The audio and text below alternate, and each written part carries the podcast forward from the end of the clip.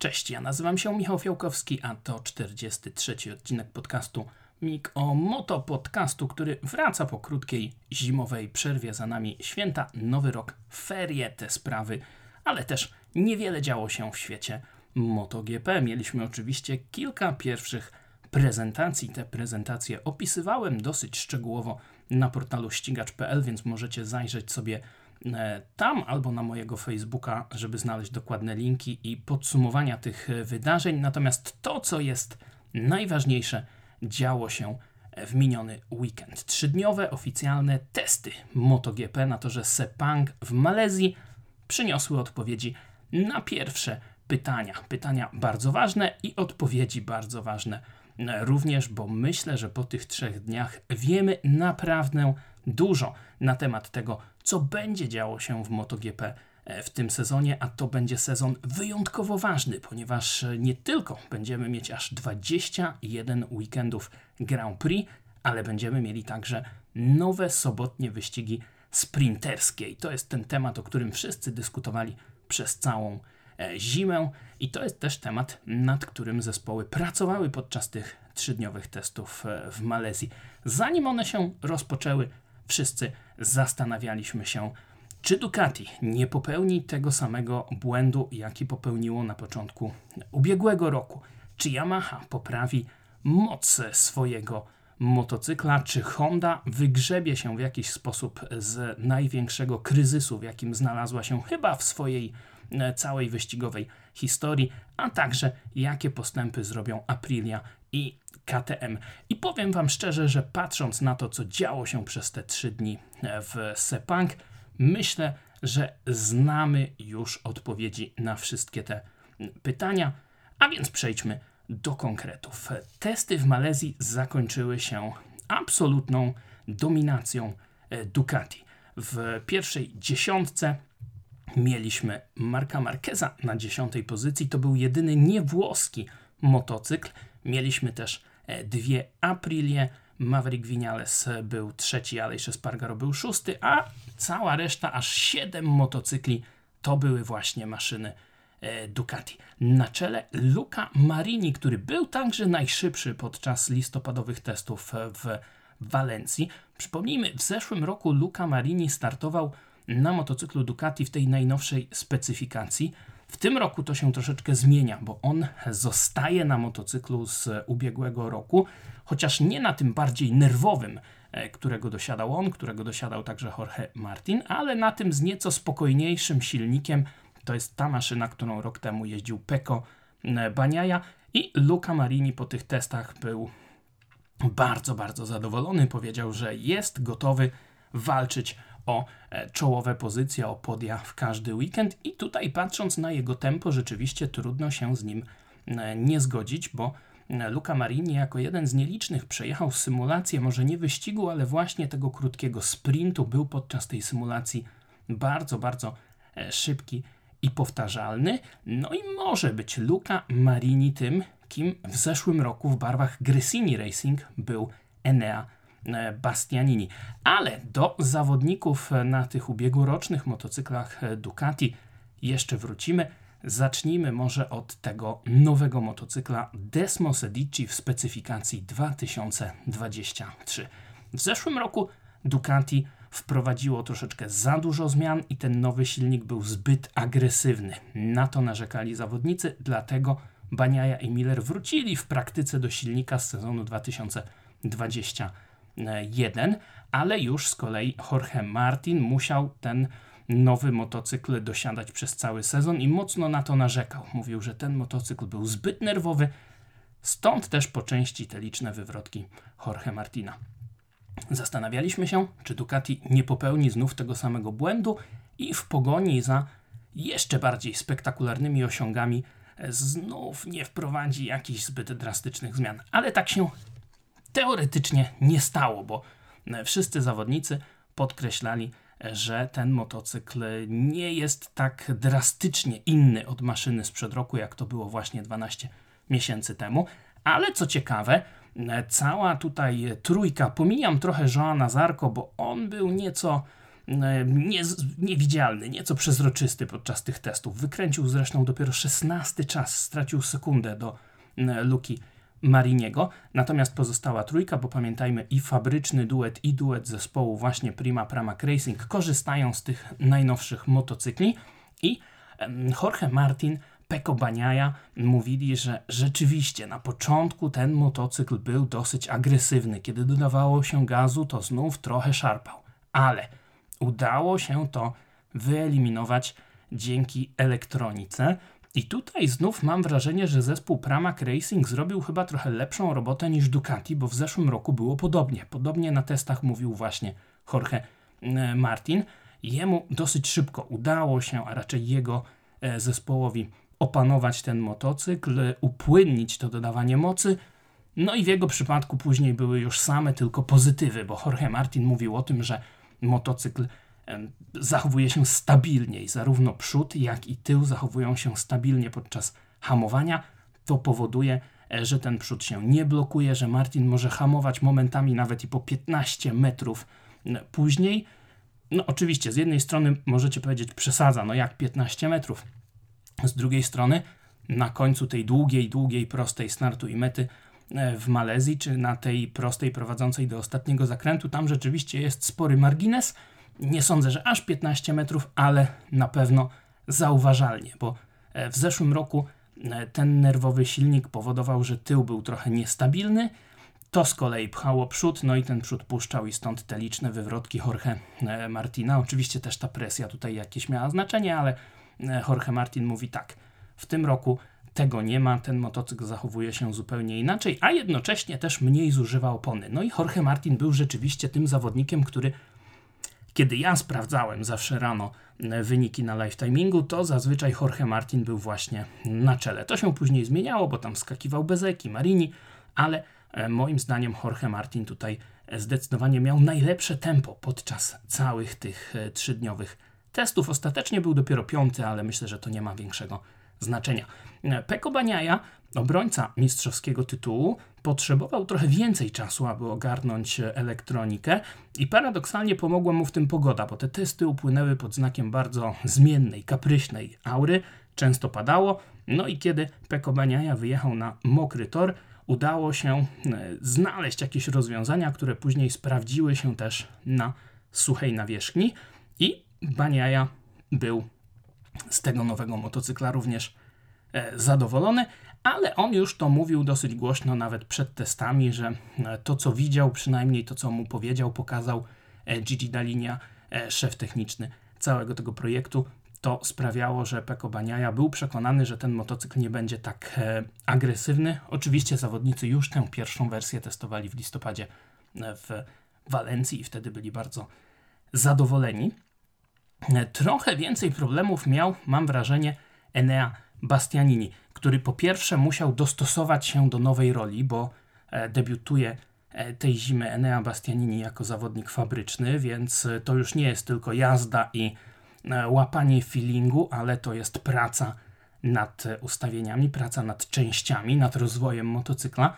Potrzebował na to bestia trochę czasu, ale też nie do końca na tym nowym motocyklu czuł się podczas e, hamowania. I to jest ciekawe, bo e, hamowanie zawsze było mocną stroną zarówno Bastianiniego, jak i Ducati, a teraz Enea mówi, że na tych hamowaniach jest troszeczkę gorzej. Poza tym same plusy, same pozytywy, ten nowy motocykl jego zdaniem jest lepszy niż ta maszyna z sezonu 2021, którą on jeździł rok temu w barwach e, Gresiniego.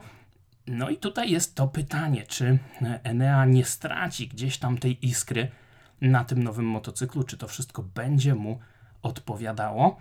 Czas pokaże. Póki co był szybki, był czwarty podczas tych testów Enea Bastianini, ćwierć sekundy za Luką e, Marinim. Zawodnicy też testowali trzy różne pakiety aerodynamiczne i tutaj ciekawostka Jorge Martin i Enea Bastianini i Luke, przepraszam, Francesco Baniaja chcieli iść w nieco innym kierunku. Obaj, co prawda, bardziej skłaniali się ku tym e, mniej zaawansowanym owiewkom, e, zbliżonym do tych sprzed roku. trzeci taki komplet był dosyć ekstremalny i to nie do końca nikomu pasowało, ale z tych dwóch pozostałych Baniaja i Martin chcieli iść w innych kierunkach, ale to nie jest powód do zmartwienia, bo zgodnie z przepisami to każdy zawodnik, nie każdy producent motocykla, a każdy zawodnik indywidualnie może sobie wybrać taki pakiet e, aerodynamiczny na sezon i później raz w trakcie sezonu może ten pakiet zmienić na inny. To znaczy, jak już zmieni ten pakiet na inny, to może korzystać z dwóch różnych, ale raz można wprowadzić tylko taką aktualizację. No i tutaj Ducati może pójść w dwa różne kierunki, w dwie różne strony. Baniaja może dostać jeden pakiet, Martin może dostać inny, Bastianini może dostać jeszcze inny i tak naprawdę z tych ośmiu zawodników każdy może mieć inną nieco e, aerodynamikę, inne te e, owiewki. No ale póki co wygląda to bardzo e, dobrze, chociaż i to właściwie mówią wszyscy, Ducati musi jeszcze to wszystko potwierdzić na innym torze. Za miesiąc mamy testy w Portimao i tam też będziemy się temu E, przyglądać. A więc na pewno warto zwracać tutaj uwagę na to zachowanie motocykla na wyjściach z zakrętów. To jest to, o czym mówią absolutnie wszyscy, ale też to hamowanie w przypadku e, Bastianiniego. Póki co e, wydaje się, że ten nowy model Ducati jest krokiem w bardzo dobrą stronę i podkreślał to też Luca Marini. On po testach mówił o tym, że bardzo ważny będzie pierwszy E, pierwsza część sezonu, pierwsze wyścigi, zanim ci zawodnicy na nowym Ducati e, gdzieś tam to wszystko idealnie dostroją, to wtedy ci na starszych motocyklach będą musieli wykorzystać to, że mają już gotowy pakiet i ta pierwsza część sezonu może być bardzo, bardzo e, ważna. I rzeczywiście Marini, Bezeki i Alex Marquez tutaj myślę, że mogą walczyć o podia. Luca Marini miał świetne tempo wyścigowe, Marco Bezeki szybki był na jednym kółku, chociaż testy zakończył na ósmej pozycji, e, ale takiego tempa e, wyścigowego nie miał jak Luca Marini. Nawet Alex Marquez był tutaj od niego troszeczkę lepszy, więc zobaczymy, jak to będzie wyglądało e, w trakcie sezonu. Co ciekawe, Alex Marquez powiedział, że praktycznie nic nie ruszał, jeśli chodzi o ustawienia i tutaj e, skupiał się tylko i wyłącznie na nakręcaniu kilometrów, dostosowaniu się do motocykla. Chwalił to Ducati, mówił, że ono jest dużo bardziej przewidywalne niż Honda, która zachowywała się bardzo nieobliczalnie, no ale też e, stwierdził, że doszedł do takiego momentu, w którym już zaczyna czuć limity tego motocykla, kiedy tył nieco mu na hamowaniu podskakuje, przód zaczyna się gdzieś tam w 14 blokować. Więc zobaczymy, czy faktycznie Alex dojdzie do tego limitu i już nie będzie mógł tego przeskoczyć, czy jednak e, uda się to jakoś e, poprawić. Jeżeli będzie trzeba pracować z setupem, no to tu może być ciekawie, bo to jest coś, na co zwracałem uwagę po prezentacji e, Gresini Racing. Fabio Di Gianantonio, który był siódmy podczas tych testów, był szybszy niż Alex Marquez. On w tym sezonie pracuje z nowym szefem mechaników Franki Carcelli, E, który pracował ze Juanem Mirem w Suzuki, nie przeszedł razem z Hiszpanem do Repsol Hondy. Tam w Repsolu w Hondzie jest dosyć szefów e, mechaników. No i Carcelli dołączył do Gresiniego, ale nie do Alexa Marqueza, jakby się wydawało, tylko właśnie do e, DG Antonio, dla którego będzie to dopiero drugi sezon w MotoGP. No i dla DG to jest strzał w dziesiątkę, bo on po testach powiedział, że przez te trzy dni więcej się nauczył, zrobił więcej postępów niż przez cały poprzedni sezon. On był bardzo niezadowolony e, ze swojego szefa mechaników e, w zeszłym roku, a ten szef mechaników przechodzi e, właśnie na drugą stronę garażu i będzie pracował z Aleksem Marquezem. I to jest taki mój znak zapytania jedyny, jeśli chodzi o formę Aleksa Marqueza. No ale zobaczymy, co Gresini pokaże. Póki co wydaje się, że Ducati jest zdecydowanie na czele, a zdecydowanie taką e, konstrukcją numer dwa w stawce jest Aprilia. Jak bardzo ta Aprilia jest blisko e, Ducati, no tutaj zdania są podzielone, bo Maverick Vinales jest zachwycony, mówi dużo małych zmian, ale to idzie w takim kierunku, który ja lubię i mi się to podoba i będziemy walczyli o zwycięstwa. ale jak pewnie doskonale pamiętacie, Maverick Vinales zawsze tak zimą mówi, zawsze jest szybki podczas testów, a później jak przychodzi sezon, to jest różnie. Dużo bardziej e, wyważony w swoich komentarzach był Aleix Spargaro, który powiedział tak, zrobiliśmy postępy, ale jeszcze nie jesteśmy na tym etapie, żeby rzeczywiście Ducati zagrozić. W Malezji byliśmy blisko podczas testów, ale tak samo było w zeszłym roku, a później jak przyjechaliśmy tu na Grand Prix, to zupełnie nie mieliśmy tempa i ja do dzisiaj nie wiem dlaczego, mówi Aleix Spargaro. No i rzeczywiście coś tutaj jest na rzeczy, co gorsza, e, Aleix też mówił o tym, że to jest akurat taki tor, który sprzyja bardzo e, Aprilii, a na innych torach, gdzie będą e, wolniejsze zakręty, gdzie będą krótsze, proste, to ta strata do Ducati może być bardziej E, widoczna, ale też, żeby nie było zbyt ponuro, no to jednak Aleix Espargaro e, chwalił lepsze prowadzenie, chwalił e, lepsze chłodzenie motocykla, bo z tym był bardzo duży problem, szczególnie w drugiej połowie poprzedniego sezonu, ale też mówił Aleix o tym, że właśnie te wyjścia z wolnych zakrętów i hamowania są jeszcze do poprawy i tutaj jest ta największa strata do Ducati. Ale jest tutaj też jedna bardzo ważna rzecz, mianowicie Aprilia nie miała w Malezji jeszcze nowego silnika. Nad tym silnikiem cały czas e, pracują w Noale, w siedzibie Aprilia Racing. Z jednej strony to jest zaskakujące, że ten silnik nie jest jeszcze gotowy e, i zawsze jest takie ryzyko, że jak on zadebiutuje w Portimao na testach, to może się okazać, że coś tutaj kompletnie poszło e, nie tak. No oczywiście zawsze teraz y, będzie można wrócić do tego silnika sprzed roku, no bo testowali ten silnik właśnie w Malezji, wiedzą, że to wszystko e, działa, ale czy rzeczywiście te postępy e, przyjdą razem z nowym silnikiem, zobaczymy. To, co cieszy Winialesa z pewnością, to jest nowy szef e, mechaników, Manu Cezo, który przeszedł właśnie do Aprilli E, z Suzuki, a w tym Suzuki wcześniej właśnie z Vinalesem pracował, więc tutaj też jest taka ciekawa e, historia, która może Vinalesowi e, pomóc. Vinales był trzeci, Aleix Espargaro był szósty, e, ale też Aprilia korzysta z dwóch nowych zawodników. Miguel Oliveira i Raul Fernandez przesiadają się z KTM-ów na Aprilię w zespole RNF i obaj byli zachwyceni. Chwalili ten motocykl, mówili, że się świetnie prowadzi, E, że bardzo łatwo e, się skręca, że silnik pracuje bardzo płynnie. Myślę, że to pokazuje też, jak dalekim od ideału nadal jest motocykl KTM-a, skoro obaj zawodnicy po przesiadce z tej austriackiej maszyny tak Aprilię zachwalają, ale też mają tak dobre e, tempo. Raul Fernandez ostatecznie na 11 pozycji, 80 sekundy od Luki Mariniego. Miguel Oliveira E, był gdzieś tam dalej w pewnym momencie. Ostatecznie na 15 miejscu i e, jako jeden z dwóch tylko zawodników nie poprawił swojego e, czasu z drugiego dnia. Trzeciego dnia pojechał tam niecałą jedną dziesiątą sekundy wolniej i stracił niecałą sekundę do Luki Mariniego, ale w trakcie testów miał naprawdę dobre tempo i zachwalał ten motocykl, ale też Aleix Espargaro mówił o tym, że jak w sobotę rano zaliczył wywrotkę i stracił trochę czasu, to później sobie usiadł i dane Oliweiry przeglądał i to troszeczkę mu pomogło. E, utrudnieniem będzie to, że zespół RNF Aprilia korzystać będzie z motocykli w tej starszej wersji.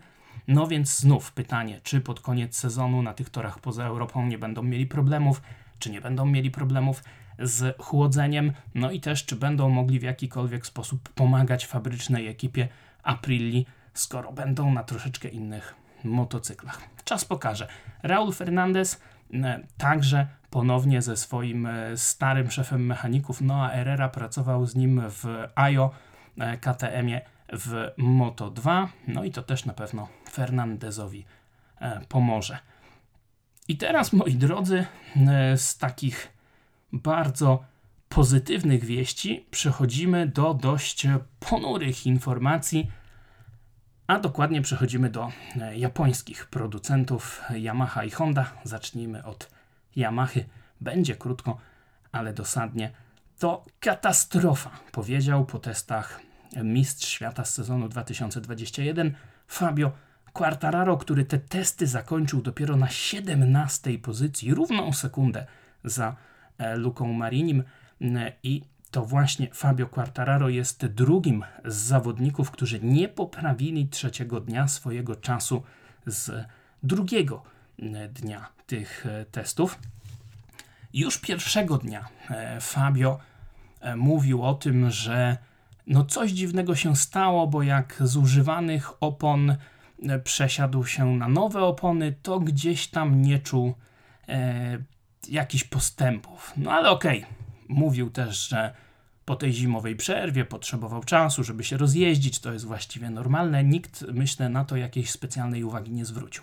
Drugiego dnia e, Fabio skupił się na testowaniu nowego silnika i rzeczywiście powiedział, że te problemy, na które tak narzekali w Yamasze przez ostatnie lata, udało się wreszcie rozwiązać, że ten silnik jest dużo mocniejszy. Było to widać po prędkościach, było to widać po czasach w tych szybkich sektorach. Rzeczywiście Yamaha wykonała kawał dobrej roboty. Nie tylko silnik jest mocniejszy, ale też co ciekawe, owiewki i skrzydełka, ten cały pakiet aero to jest wszystko lżejsze, bardziej wydajne, stawiające jakieś mniejsze, mam wrażenie, opory i to sprawia, że rzeczywiście ta prędkość maksymalna jest wyraźnie wyższa.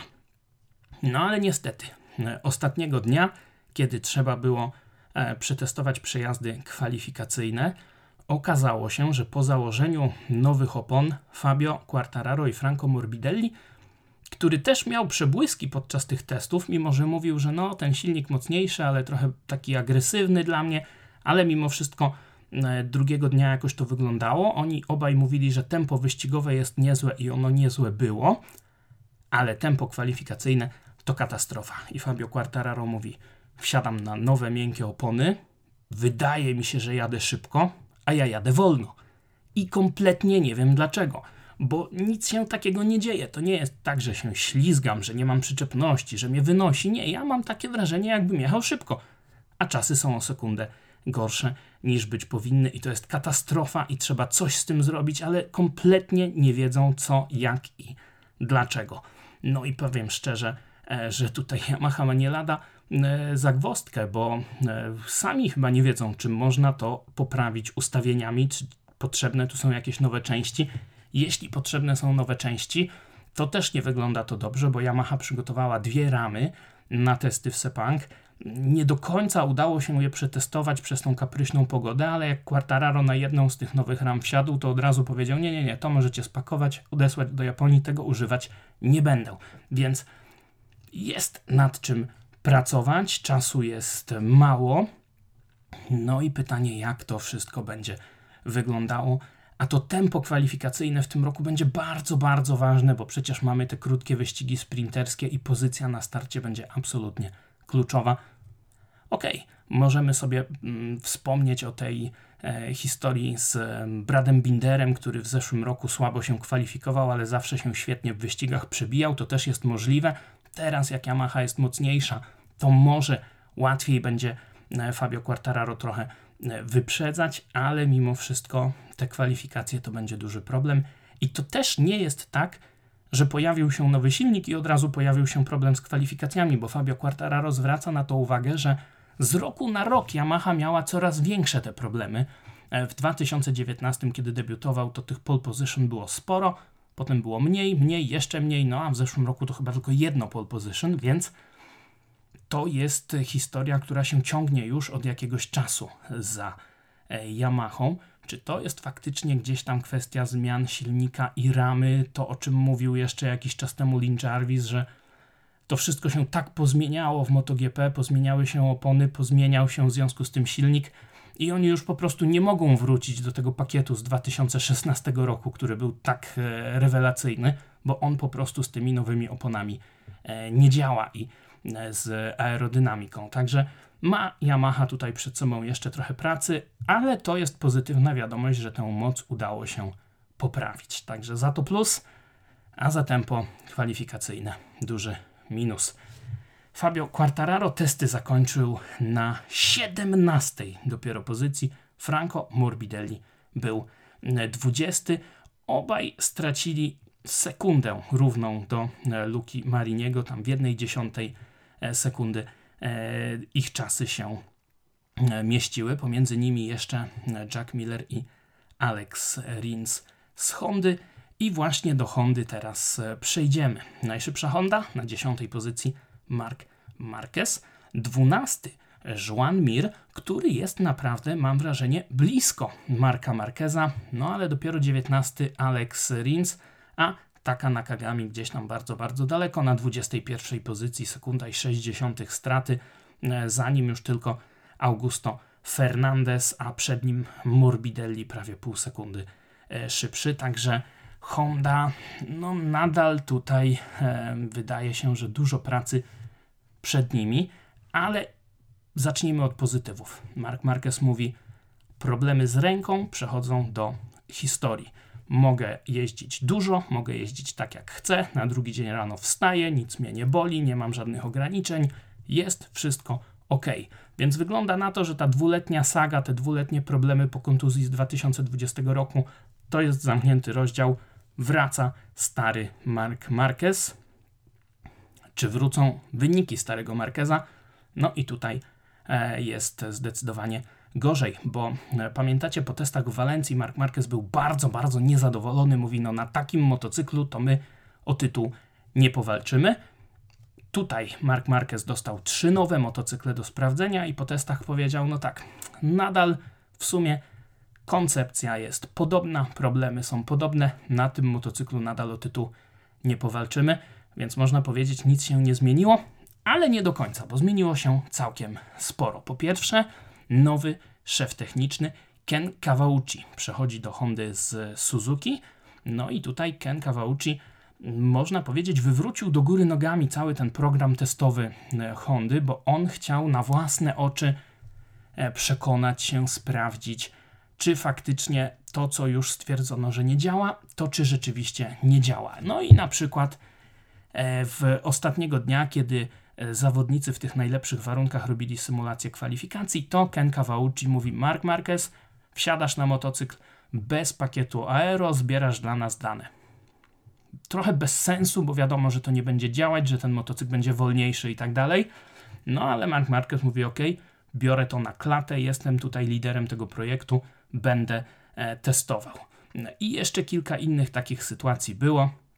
E, były takie rozwiązania, Mark Marquez mówi, które oni odrzucili już rok temu, no ale jak Ken chce, to ja się poświęcę, powiedział e, Mark Marquez e, hiszpańskim dziennikarzom.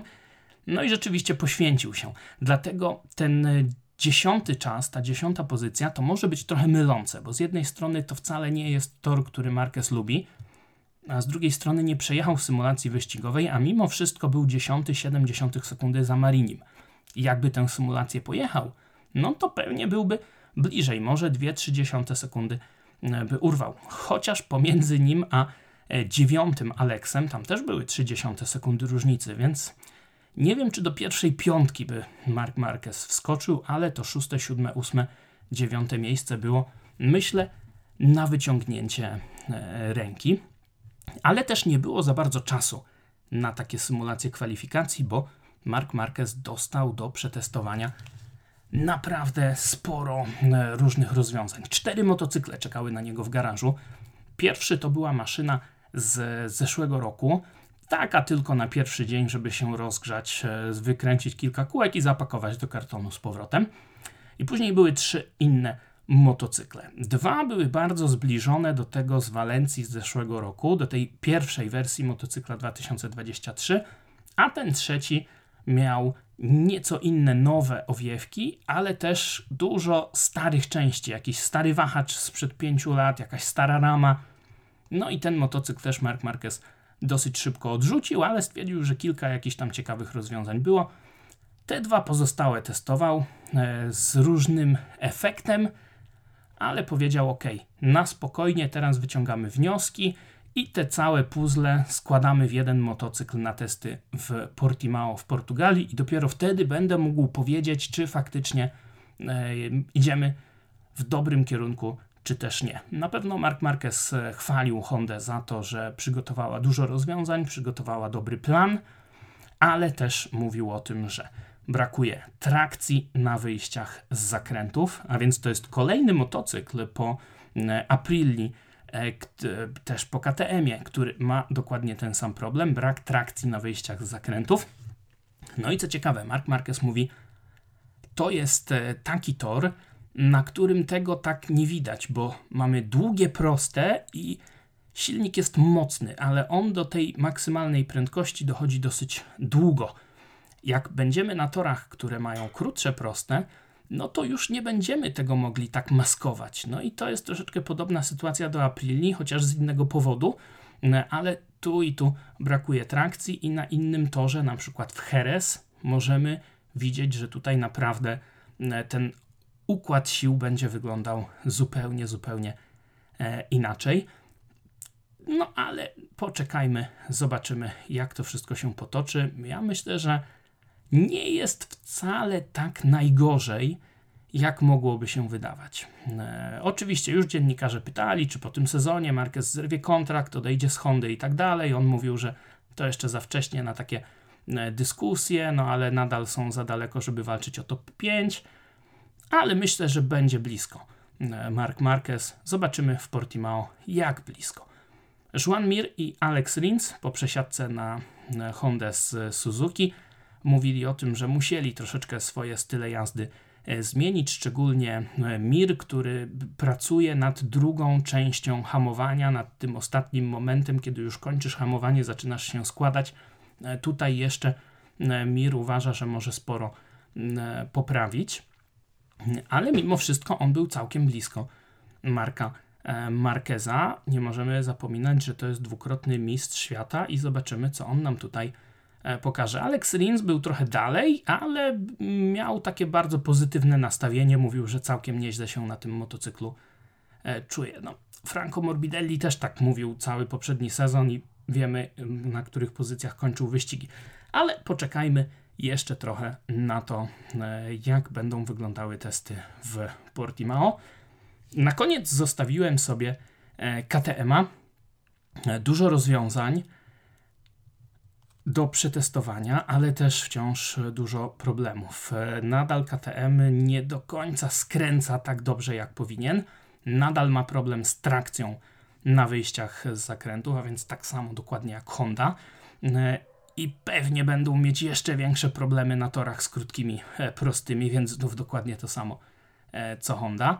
E, Jack Miller mówił, że no, trafił troszeczkę na ścianę, nie do końca wiedzą jak pójść dalej, a Jack Miller był dopiero 18 podczas tych testów. Brad Binder był 14, zachwalał poprawki, bo mówił, że motocykl jest lżejszy, że jest zwrotniejszy, trochę łatwiej się prowadzi i tak dalej. Widzieliśmy też e, różne nowe owiewki, były takie dyfuzory na dole e, z przodu. Dało się też nawet usłyszeć, że KTM testuje różne konfiguracje silnika, w sensie nie inne układy, ale e, jakieś inne fazy zapłonu, rozrządu, bo te silniki brzmiały zupełnie inaczej. No, ale jak popatrzymy na pozycję zawodników, to wygląda to dosyć słabo. Jest małe światełko w tunelu, Pole Spargaro był 13. Ok, to nadal jest daleko, 0,9 sekundy za Luką Marinim, ale drugiego dnia był chyba trzeci czy czwarty i bardzo zachwalał e, KTM-a w tym ustawieniu na kwalifikacje. No, duże problemy miał KTM w poprzednim sezonie z kwalifikacjami. Jeżeli to uda się poprawić, no to tutaj jest szansa, że E, będą wyraźne postępy. Cieszy to, że Pole Spargaro znów jest uśmiechnięty, ale musimy jeszcze zobaczyć trochę więcej. Zobaczymy też z dziką kartą Daniego Pedroze w Grand Prix Hiszpanii na torze w Jerez de la Frontera. To jest dobra wiadomość. Do KTM-a dołączył też Jonas Folger jako kierowca e, testowy.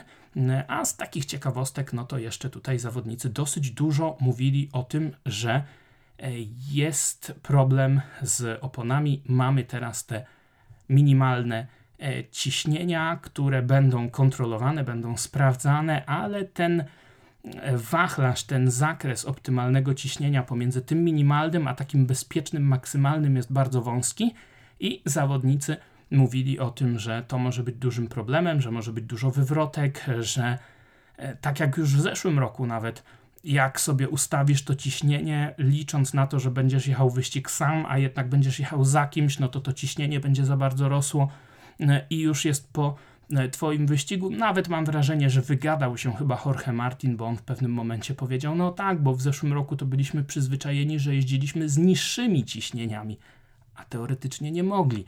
No więc tutaj jeszcze możemy mieć takie dodatkowe utrudnienie, które może nam e, całą tę sytuację wywrócić do góry nogami. Może niekoniecznie w sprintach, w tych krótkich wyścigach, ale w niedzielę w tych wyścigach głównych już zdecydowanie tak.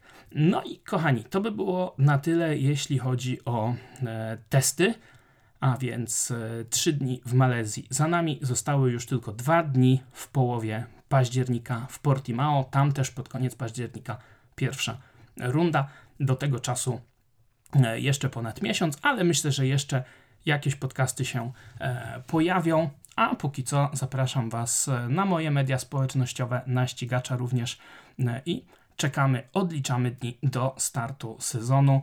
Jak zwykle czekam na Wasz feedback, na Wasze komentarze, a dzisiaj pozostaje mi już tylko powiedzieć dzięki, do usłyszenia. Cześć!